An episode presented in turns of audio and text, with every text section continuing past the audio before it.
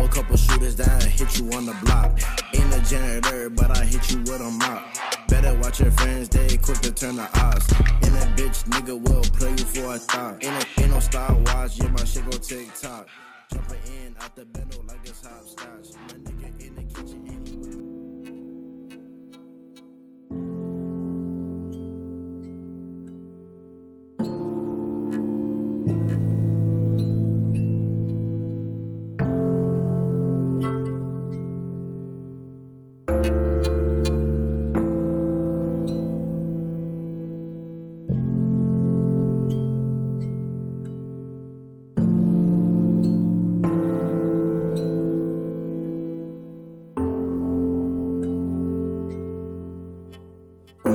unistustes ma teadnud, südames tundnud ma alati olen, et must saab see keegi. keegi, keda ei unustata nii kergelt, seega ma juba rannalapse nagu vaatasin peegli, teadsin peegli võin purustada siin kergelt, aga teerada, mida sel hetkel nägin nii selgelt, ma teadsin, siin ei unustata legende. aasta kaheksakümmend seitse, mil kutsus mind koolikell, vormi sees mu hing poomisel ning must loodi see keegi, kes olla ma ei tahtnud ju, kuid homie proovi proovi veel nende kärbitud tiibidega püüda unistust, enne kui nad selle sust tapnud on. Nad ei näinud poeeti, sest poeeti nad näha ei tahtnud ju. Nad nägid probleemi Andrus Elvingmas kriminogeeni, kes varateismelisena viina surmalend isa just matnud on. ja nad lihtsalt ei kuulanud, vaid kord tummana suunasid silmad sinna, kus valu polnud. kus mul lihtsam oli tunda armutut rihma, mis mind nii valutult tagunud on, kuid ei, teid ma ei vihka vist peaksin, kuid ennast mul vihata on lihtsam kui taluda vimma, mis mind siin nii arutult saatnud on, see viha mind peaaegu ka matnud on. aga kui andeks on saadud, siis andeks ka antud on. liiga pikalt neid maske siin kantud on. lahti on lastud ja raske kivis on kalmul, millele raiutud kiri isa mu enesetaotud on. puhka rahus ning kaitseinglina saadasin teel mind, kus legendina astun ka siis, kui olukorrad mu vastu on. ja mu süda, see purustamatu nüüd on see purustamatu nüüd on, sest purustatut ei purusta keegi ja nii magusalt valus see on. kui veri laevana mööda mu artereid veene siin ringleb ja oma valitud teele ma nüüd pillun oma südame kilde, millel veriste taldadega tantsus ma titaniseerisin hinge. ja nii ma siis veerisin riime. esimene tuleproov sai tehtud, jõudi keldrimajakiga sõbrad täitsid saali ja kohaliku mastaabiga Okimi ja Moorimid valasid pimelinna räpp fundamentaalika. paljud ütlesid saada see räpp, kus kurat muuda end mingi ameti suudad ehk valida, kuid ma muudan ehk maailma, mu dilemma räpparina või kriminaalina, ma ei kuulanud end, kuni teist korda käed raudus üle väina, mind tuuakse praamiga patakas riime ja taparel taskus, nii algas mu teesi. Nad ütlesid, sa teeni, ma ütlesin, ma ei teeni, ma kui stepihunt üksinda alfana tüpsil on üksikong vallandas leegid. Anyway, siin vastutab karmaga keegi ja mida enam mind alla nad suruvad, seda enam õli tulle nad kallavad veelgi. ma ju ütlesin, et üksikong vallandab leegid. Verba Pinter šokeeris, kui mööda põrandaaluseid teid pidi käest kätte sai antud demo kui üks päev legendaarne tõud tag vastuse toob ja uskumatu, puhas kuld on vastuseks, joo. uskumatu, et need su kaks sõna määranud mu saatuse, oh. kuid maailm on nagu valesti kokku pandud pusle. andsin lubaduse, need mu kolm albumit on sulle ju puhka rahus, Revo. ja nüüd puhka rahus Eesti gängsta räpp ja pärast kolmekümmend kahte kuupi puhka rahus veel kord. sest mu elulugu on vastuoluline nagu mu edulugugi Genka nägi, et need räpparid siin kirjutasid riime, ma kirjutan lugusid ja nüüd need hetked on käes, mille auhinna järgi kaalaldub lavale minna. kuid pane hästi tähele neid räppareid, kes ei plaksuta, kui need aplausid sind saadavad sinna. Nad ei tunnekski Andrus Elvingut, kuid Baby Lõusta nad kardavad, viskavad käppa, aga ei vaata nad silma. kuid okei okay,, tadamal lippan, need koerad las auguvad ja las see karavan minna, sest pagana pihta, mida ma teha saan, kui tahad mind vihka. nii et hasta la vista, heiter, ma armastan sind ka no tšau, tšau, tšau, tšau.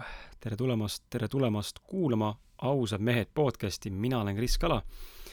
ja käes on järgmine Ausad mehed podcasti episood, seekord siis tegemist on inspiratsioonivalanguga, nii et tere tulemast kuulama.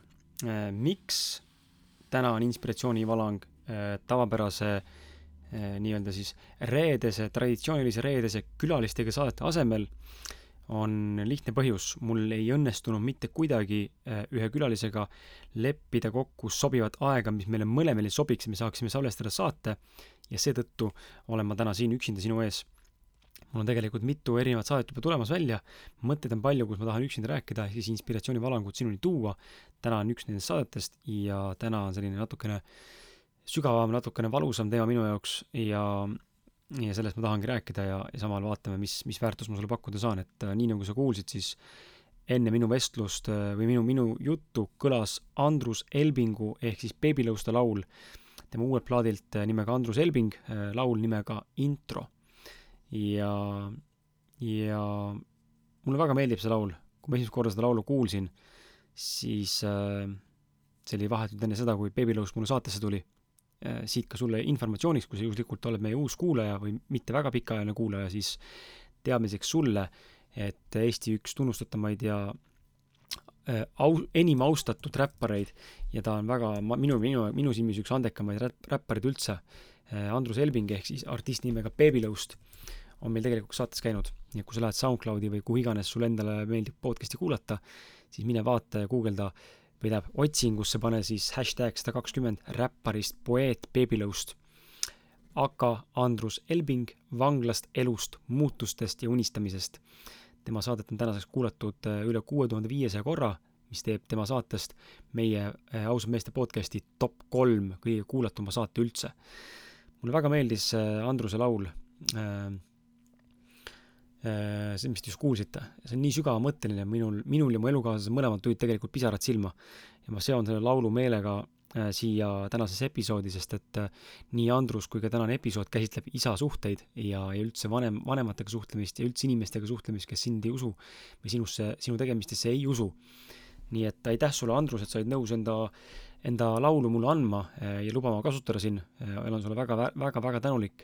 Ja enne kui lähme nagu tänase teema juurde, siis üks osa sellest episoodist saab olema see, et ma alustan praegu sellega, et ma võtan ette Andruse sama lau-, eh, Andruse sama laulu, mis just kõlas siin ja lahkan mõningaid mõtteid, mis ta on sinna laulu lüürikasse pannud, sest et äh, need kirjeldavad nii mõndagi seda, mis tegelikult praegu minu elus aktuaalselt toimub ja, ja nii mõndagi, ma arvan, on ka sulle siit üht-teist võtta, mis võib-olla annab mingisugust äh, huvitavamat ja paremat ja arusaadavat perspektiivi sellest, kuidas iseenda asja tehes äh, sa jõuad elus palju kaugemale.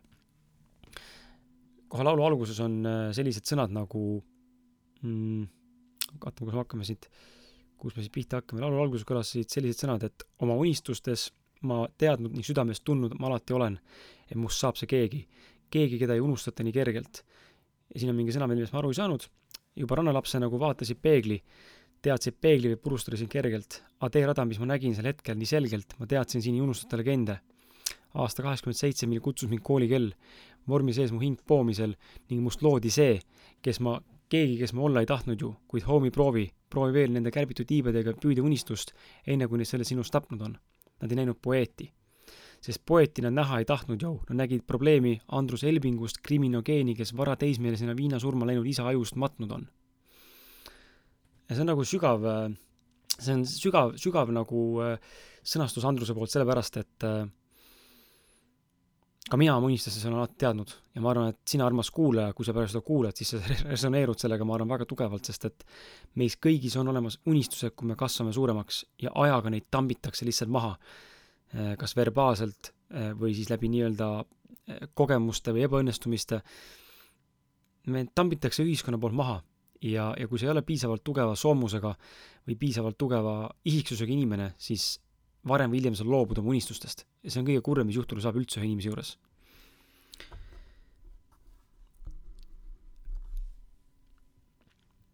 ja minul on alati olnud teadmine samamoodi, et minust saab see keegi. keegi, keda ei unustata nii kergelt. Ja see ongi huvitav mõttelõik, et äh, minust saab see keegi, keda ei unustata nii kergelt. ja siin ei ole nagu mingis, minu, minus ei ole teadlikult tahtmist otseselt luua mingit brändi või tiitlit või silti või sildistatavat isiksust, kes oleks Kris nii-öelda siis, keda inimesed vaataksid alt üles, ma ei soovi olla mitte kellegi jaoks guru, ma ei soovi olla mitte kellegi jaoks mingisugune coach, ma ei soovi olla mitte kellegi jaoks mingisugune mentor, koolitaja eeskuju, ma ei tee, ma ei taha olla mitte kuidagi kellelegi nii-öelda alt ülespoole vaadatav isiksus, sest ma olen täpselt samasugune, nagu oled sina. ja ma tean, et paljudel, kellega ma suhelnud olen, kes meie podcast'i kuulavad, neil on paratamatult mingisugune selline hoiak, et ma olen justkui mingisugune, ma ei tea, kes, mitte nüüd nii väga võimendatuna, aga mingisugune õhk, õrn eh, signaal alati inimeste poolt tuleb ja mind vaadatakse, nagu ma oleksin eh, loonud ma ei tea mille, ma ei ole mitte midagi loonud, ma lihtsalt räägin sulle siin vahel üksinda ja vahel koos külalistega sellest, mis tegelikult elus on aktuaalne, millest me kõik kogu aeg unistame, millest kõik mõtleme tegelikult. igas ühes meist on midagi peidus erilist ja, ja siinkohal tuleb aru saada sellest, et, et ma ei ole üldse absoluutselt eriline inimene ja, ja ma nagu palun siiralt, et ei ole vaja nagu vaadata ka teisi inimesi, kes su ümber on, kes sinust on mingil määral edukamad, kuidas iganes sa edu täna mõõdad, või, või sinust teevad midagi rohkem või midagi suuremat teevad sinust või, või teevad sinust justkui nii-öelda ühisku, ühiskondlikus mõttes mingite standardite järgi midagi märkimisväärsemat või, või tähelepanuväärsemat või nii-öelda siis äh, tähtsamat, siis viska see idee enda peast välja, sest et ei ole olemas tähtsamaid või vähem tähtsamaid ideid. me oleme kõik ühtemoodi iseenda rada siin käimas ja elamas ja iga indiviidi elu tegelikult on individuaalne ja on ühtemoodi eriline ja oluline.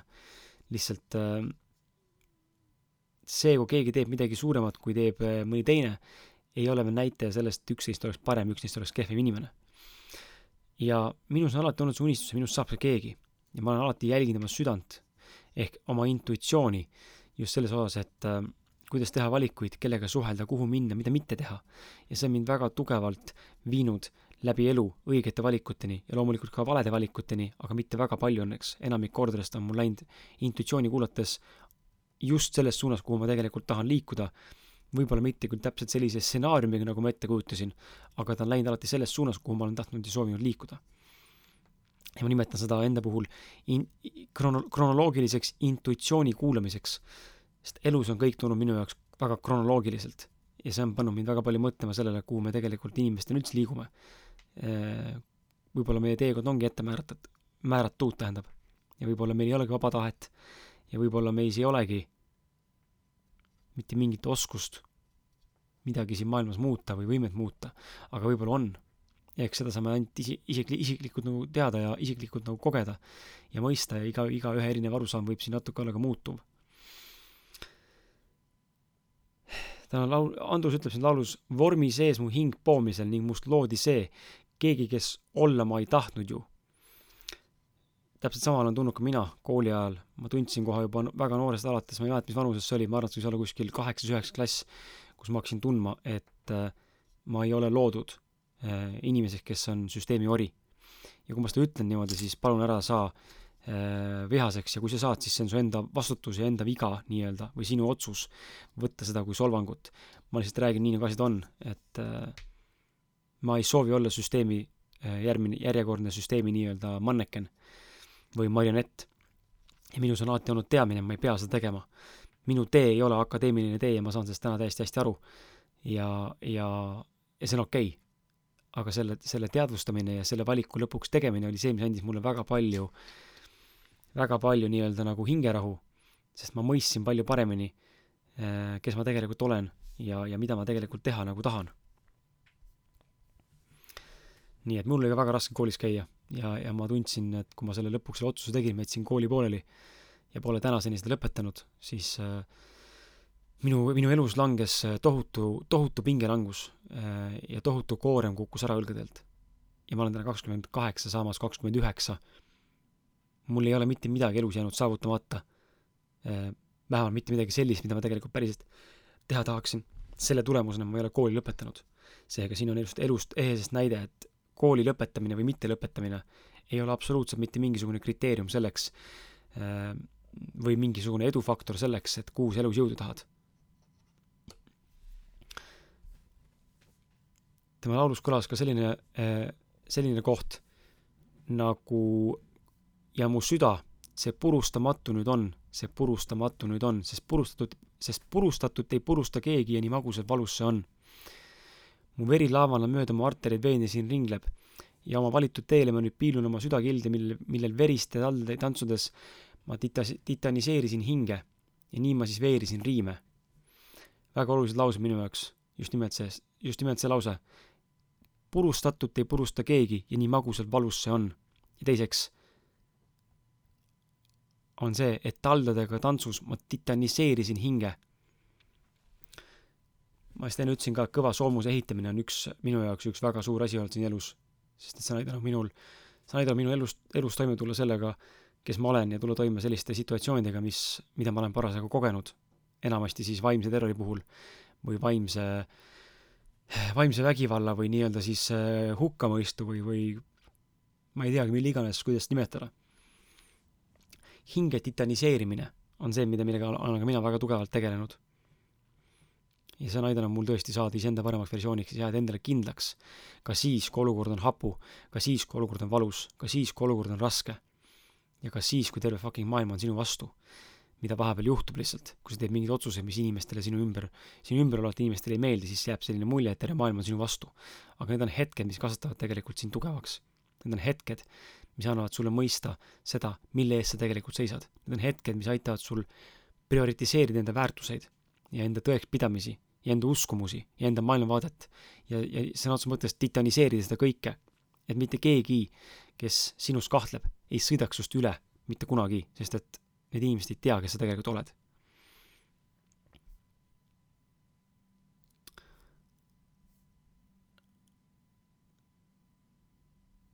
ja ma korra vaatan, kus see veel on siin, üks lause veel oli, et paljud üt-, ja see lause oli kolmas, kolmas mõte, mis väga meeldis, et paljud ütlesid, saada see räpp, kus kurat, muuda end, mingi ametit suudad ehk valida, kui ta, kuid ma muudan ehk maailma, mu dilemma räpparina või kriminaalina. ja, ja mul on, mul on samamoodi väga palju öeldud selle kohta niimoodi, et äh, väga palju on öeldud seda minu kohta ka ja mulle ka ja ma olen näinud sama asja, et äh, tahetakse justkui ühiskondlikult peale suruda mingisugust arusaama või nägemist mingisugusest kindlast teerajast. ja kui seda ei tee, siis äh, inimesed hakkavad nagu sind hukka mõistma ja tahavadki öelda sulle, et vali mingi kindel amet, see on vaata turvaline, Kris, võta kindel amet, see on turvaline, ära ole, võta need roosad prillid peast ära. et äh, ole normaalne mees, tule lõpuks maa peale. kusjuures need, need sõnad, võta roosad prillid peast ära, tule lõpuks maa peale, mu enda isa sõnad mulle. Äh, ja ta teeb, teeb seda mulle korduvalt, ta peab mulle korduvalt seda mainima ja ja see on üldse huvitav, kuidas inimesed tahavad meid pidurdada, nii kui me hakkame kasvama enda sellest mugavustsoonist väljapoole ja nii-öelda nagu sa tead, siis öeldakse, et sa oled võrdväärne nende inimest, nende viie inimesega, kes sinu ümber igapäevaselt on nii-öelda. siis kui me hakkame nendest mingisugusest enda seltskonnast välja kasvama, kas siis nagu teadlikkuse poolest või kogemuse poolest või edukuse poolest või mille iganes poolest, siis need inimesed hakkavad sind alla tõmbama, et sa ei väljuks sellest nii-öelda turvatsoonist. aga kõige hullem selle turvatsooni juures on see, et üks äh, Venemaa autor, Vadim Seeland, on kirjutanud sellise raamatu nagu Karjas olemise turvalisuse illusiooni lõpp, äh, mis käsitlebki täpselt sama asja, kuidas tegelikult karjas olemine on inimeste jaoks turvaline, aga see pole absoluutselt mitte kuskilt maalt turvaline, see on kõik, kõigest üks suur fucking illusioon. turvalisus minu meelest tuleb ainult läbi selle, kes sa tegelikult lõpuks oled kui sa kasvad iseendaks, kui sa saad kontakti oma tõelise mina vorm olemise või olemusega, kui sa saad päriselt teada, mis sa teha tahad, kui sa päriselt teed seda, mis sulle tegelikult südames meeldib teha, see on see, kus sa oled nii-öelda siis turvaline, sest et siis on, sest siis on kõik hästi. ja lõpuks ütleb Andrus oma laulus siis, et nii et hasta la vista, heiter, ma armastan sind ka. Ja tõepoolest Ehm, tõepoolest, ka mina olen hakanud nägema seda, et vanasti oli minus väga suur trots ja viha vastupidiselt kõikide inimeste vastu, kes minu vastu mingit viha või nagu ebakõla tundsid. täna ma pigem kas üksikutes ekstreemsemates situatsioonides näitan keskmist sõrme, nii verbaalselt kui füüsiliselt, ja saadan vittu, kui on vaja, kes minus kahtlevad ja anna andeks, kui see kõlab sulle nagu haavatavalt või nagu raskelt. ma lihtsalt räägin nii, nagu on, enda eest tuleb osata seista ja kõik, kes sinust kahtlevad, võib saata, või võid, võid vabalt saata perse, sest nad ei tea, kes sa oled. Nad ei tea, milleks sa oled võimeline. ja teistpidi, ma olen õppinud sellest kõigest mööda vaatama, vaikima ja pigem nagu sisemiselt naeratama, sest ma tean täpselt, kuidas asjad hakkavad juhtuma ja ma tean, et see inimene eksib. minu töö ei ole kedagi panna eksima, aga ma tean, et ma lõpuks teen oma asja ikka ära ja see inimese, selle, see inimene, kes maha tegi või kes hukka mõistis, ei jää muud üle, kui ainult endale õlale patsutada ja öelda, et kõva vend oled, et sa eeldasid, oletasid jälle kellegi kohta midagi, mis ei vastanud tõele. inimesed õpivad ise läbi oma kogemuste ja oma vigade, muud siin ei olegi. miks ma seda saadet täna tahtsin teha, rääkida? mulle kirjutas, ma kirjutasin enda isale, pole isaga ammu suhelnud isa perekonnaga, isaga üldse. ja emaga ei suhtle ammu juba ja nagu sa juba tead, siis ilmselt oled sa kuulnud, ma olen siin rääkinud ka, kuidas minu perekonnasuhted ei ole just kõige paremad ja kuidas see aeg-ajalt ikkagi mind mõjutab, siis isa on küll üks selline inimene, ma olen üks viimastest inimestest minu elus, kes äh, mind siiani äh, mingis mahus suudab mõjutada enda vastuste, enda arvamuste, enda hoiakute, enda arvamuste, enda väljaütlemiste ja tegemistega. ma ei tea, miks, aga, aga minu sees on mingisugune sisimas ikkagi on mingi soov talle tõestada ja ma olen normaalne vend. ja ma tean, et seda ei peaks olema, aga see on nii nagu iga, igasuguse erineva pahega on ka sellega, et ma ei saa sellest lahti kuidagi ja päris raske on olnud viimaste kümne aastaga sellega tegeleda, täna ma näen, et ma olen muutunud palju nagu selles mõttes äh, rahulikumaks ja mul ei ole vaja isa kinnitust enam ega heakskiitu. sügavas sisimas kuskil ma ikkagi mingi mahus seda tahan, aga ma näen, et see on nagu ajaga kogu aeg vähemaks läinud ja mingi hetk ma arvan, ma olen võimeline lahti laskma täielikult. aga ma kirjutasin endale kirja, ka üsna tegelikult noh, eks võib-olla mina olen ka selles mõttes, võtan vastutuse siinkohal, et olen võib-olla natuke süüdi, ma kirjutasin üsna pohhuistlikult selle kirja ja sellise ükskõikse alatooniga, et äh, eesmärgiga siis küsida, mida me näeme. sest et me nägime viimati vist jõuludel ja see kiri, mis vastu tuli, muidugi oli nagu pikk, isa ei ole, tavaliselt kirjutab hästi lühidalt mulle, ta ei ole väga niisugune Messengeri vend, oli hästi pikk kiri. Ja, ja mis iganes seal sees oli siis, seal oli palju süüdistamist ja palju, palju minu süüdistamist ja palju iseenda õigustamist, mida ta ilmselt ise läbi ei osanud näha ega ei näe tänaseni, ma arvan. Ja siis viimane lõik ikkagi oli see, mis alati sealt isa perekonnapoolselt tuleb. Äh, viimane lõik ikkagi pani nagu tugevalt äh, ikkagi sellele, et ma peaksin roosad prillid peast ära võtma ja, ja tulema tagasi maa peale ja et äh, ma kujutan endale ette asju ja ja ühesõnaga hästi selline solvav ja, ja mu esimene reaktsioon oli see, et ma lihtsalt kirjutasin talle vastu kirja, ilma kirja ära saatmata, kirjutasin kirja talle emotsiooni pealt vastu, vastavalt tema lausetele, vastavalt tema mõtetele, täiendades siis teda juttu ja kui ma selle läbi olin pärast lugenud ja tegelikult saatnud ka veel mõnele inimesele lugeda seda kirja, mis ma tahtsin isale saata vastu koos isa kirjaga, siis kõik jõudsid ühele samale arvamusele, kaasa arvatud mina lõpuks, et tegelikult kui ma sellises eh, vormis oleksin talle vastanud, siis ei oleks ma mitte kuidagi näidanud välja teadlikkust, mille ma olen tänaseks saavutanud, mitte mingisugust intelligentsust ega, ega nii-öelda vaoshoitust, vaid ma oleksin vastanud täpselt samamoodi eh, kirjaga, mis oli täis süüdistusi ja õigustusi ja ma mõistsin, ma ei pea seda tegema. ja ma ei ole talle tänaseni vastanud mitte midagi, sest et see kuidagi lahustus ära minu jaoks, see, see viha, mis seal korraks üles kerkis. et, et just seesama viha, et miks sa pead oma pojale sitasti ütlema. et miks ma pean pojana, tähendab, vastus on käes, ma ei pea mitte midagi, aga miks mul on, miks mul luuakse illusioon enda perekonna poolt ja ma pean neile justkui tõestama, et ma olen keegi või teen midagi. mitte kunagi ei ole mu perekond mitte kunagi mitte millegagi rahul, mida ma ette, e-, elus ette võtan mis on nagu äärmiselt hämmastav, ma saan aru, jätab, jättes mulle mulje, nende tagasiside jätab mulle mulje, nagu ma oleksin mingisugune ma ei tea, kes, noh, asotsiaal või narkomaan või mingisugune sarimõrvar, kes teeb elus väga palju halba inimestele. ma reaalselt äh, olen loonud siin selle saatega sitaks väärtust teile ja iseendale. ma olen kasvanud nii palju nende, nende kogemuste juures, tehes seda saadet. ja äh, ja see on huvitav näha, kuidas äh, tihtipeale on, on inimesi meie elus, kes meid lihtsalt ei mõista ja ei hakka mitte kunagi ka mõistma. ja nendest inimestest tuleb osata lahti öelda. ja siin tuleb, tuleb võtta see vastutus. ma saan ka aru sellest, et äh, kui isaga on olnud suhted sitad, siis äh, väga suur tõenäosus on, seisneb selles, et miks need suhted sitad on, ei ole siin vaja isa süüdistada. et isa pole olnud piisavalt hea isa, vaid probleem mis meil tavaliselt on äh,. probleem on selles, et äh, see, kui sul on kellegagi suhted perses,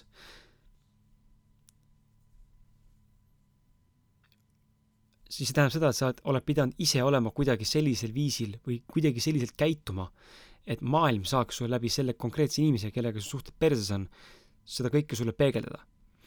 ja siin on asjaolusid loomulikult veel, et loomulikult äh, inimesed teevad ka individuaalseid otsuseid, mis mõjutavad kollektiivset tulemust, aga kui võtta nagu vastutus ja lähtuda ainult iseenda perspektiivist, siis tegelikult see, et sul on suhted pekkis, siis tegelikult süüdi oled sa ise, sest järelikult ei panusta ka sina piisavalt, oled olnud samamoodi õigustav, oled sa olnud samamoodi süüdistav, oled olnud samamoodi võib-olla ennatlik, oled olnud samamoodi võib-olla vähem huvitundev, mis iganes veel.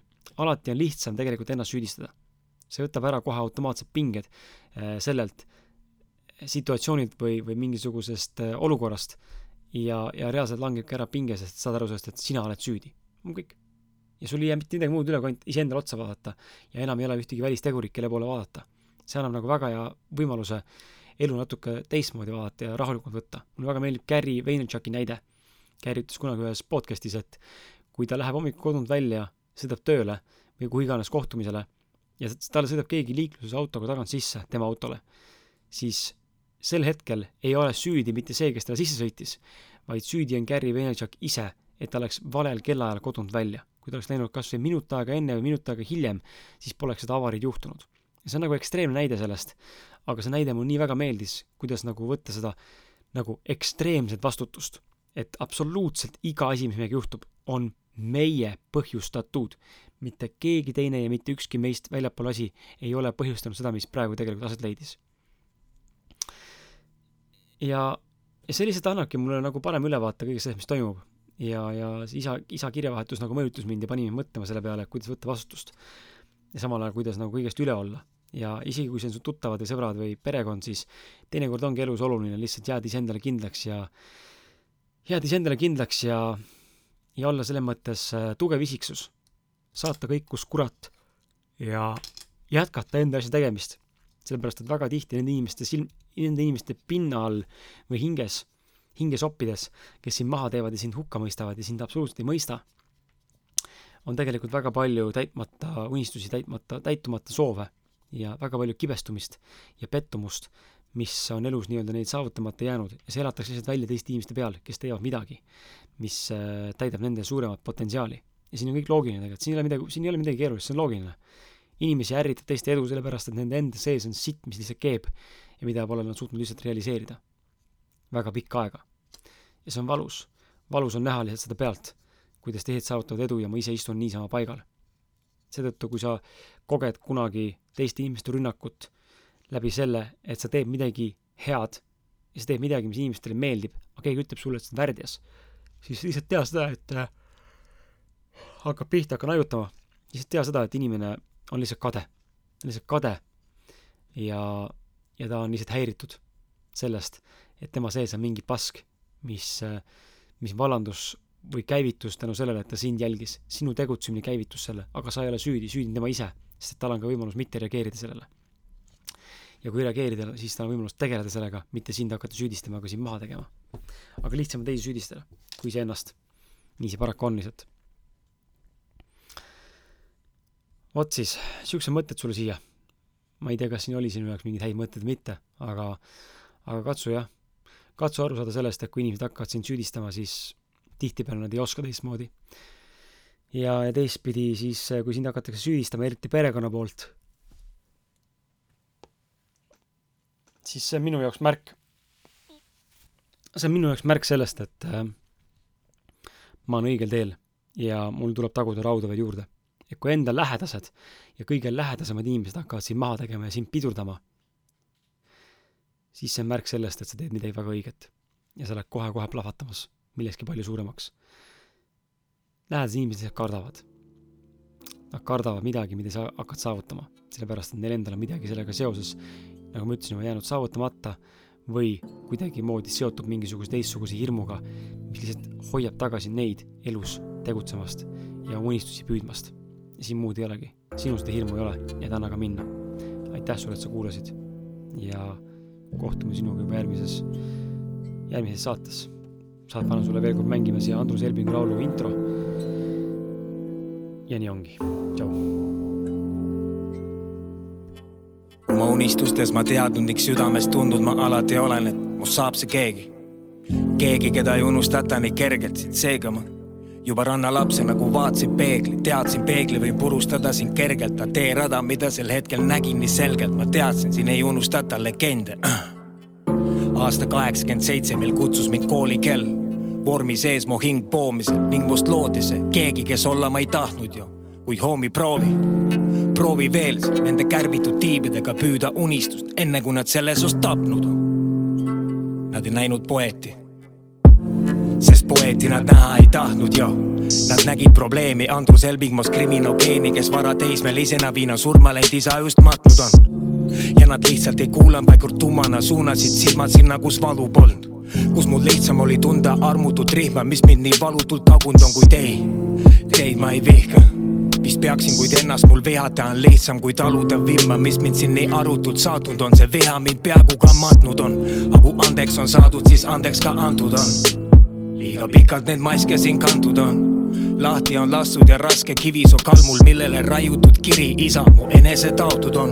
puhka rahus ning kaitse inglina saada sind teel mind, kus legendina astun ka siis, kui olu korrab mu vastu on.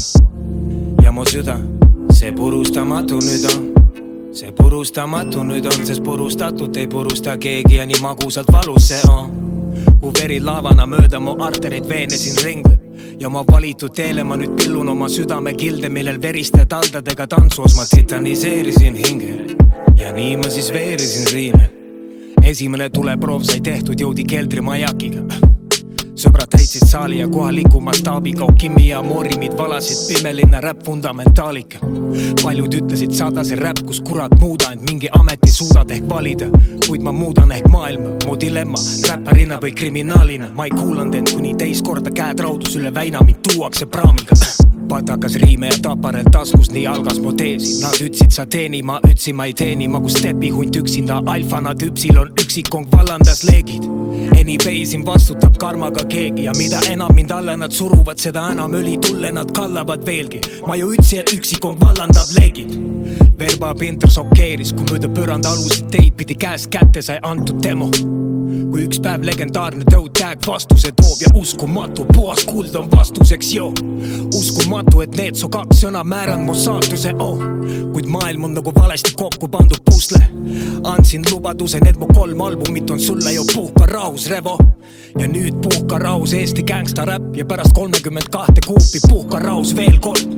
sest mu elulugu on vastuoluline nagu mu edulugugi Genka nägi, et need räpparid siin kirjutasid riime, ma kirjutan lugusid ja nüüd need hetked on käes, mille auhinna järgi kaalaldub lavale minna kuid pane hästi tähele neid räppareid, kes ei plaksuta, kui need aplausid sind saadavad sinna. Nad ei tunnekski Andrus Elvingut, kuid Baby Lõusta nad kardavad, viskavad käppa, aga ei vaata nad silma. kuid okei okay,, tadamal lippan, need koerad las auguvad ja laskas ja karavan minna, sest pagana pihta, mida ma teha saan, kui tahad mind vihka. nii et hasta la vista, heiter, ma armastan sind ka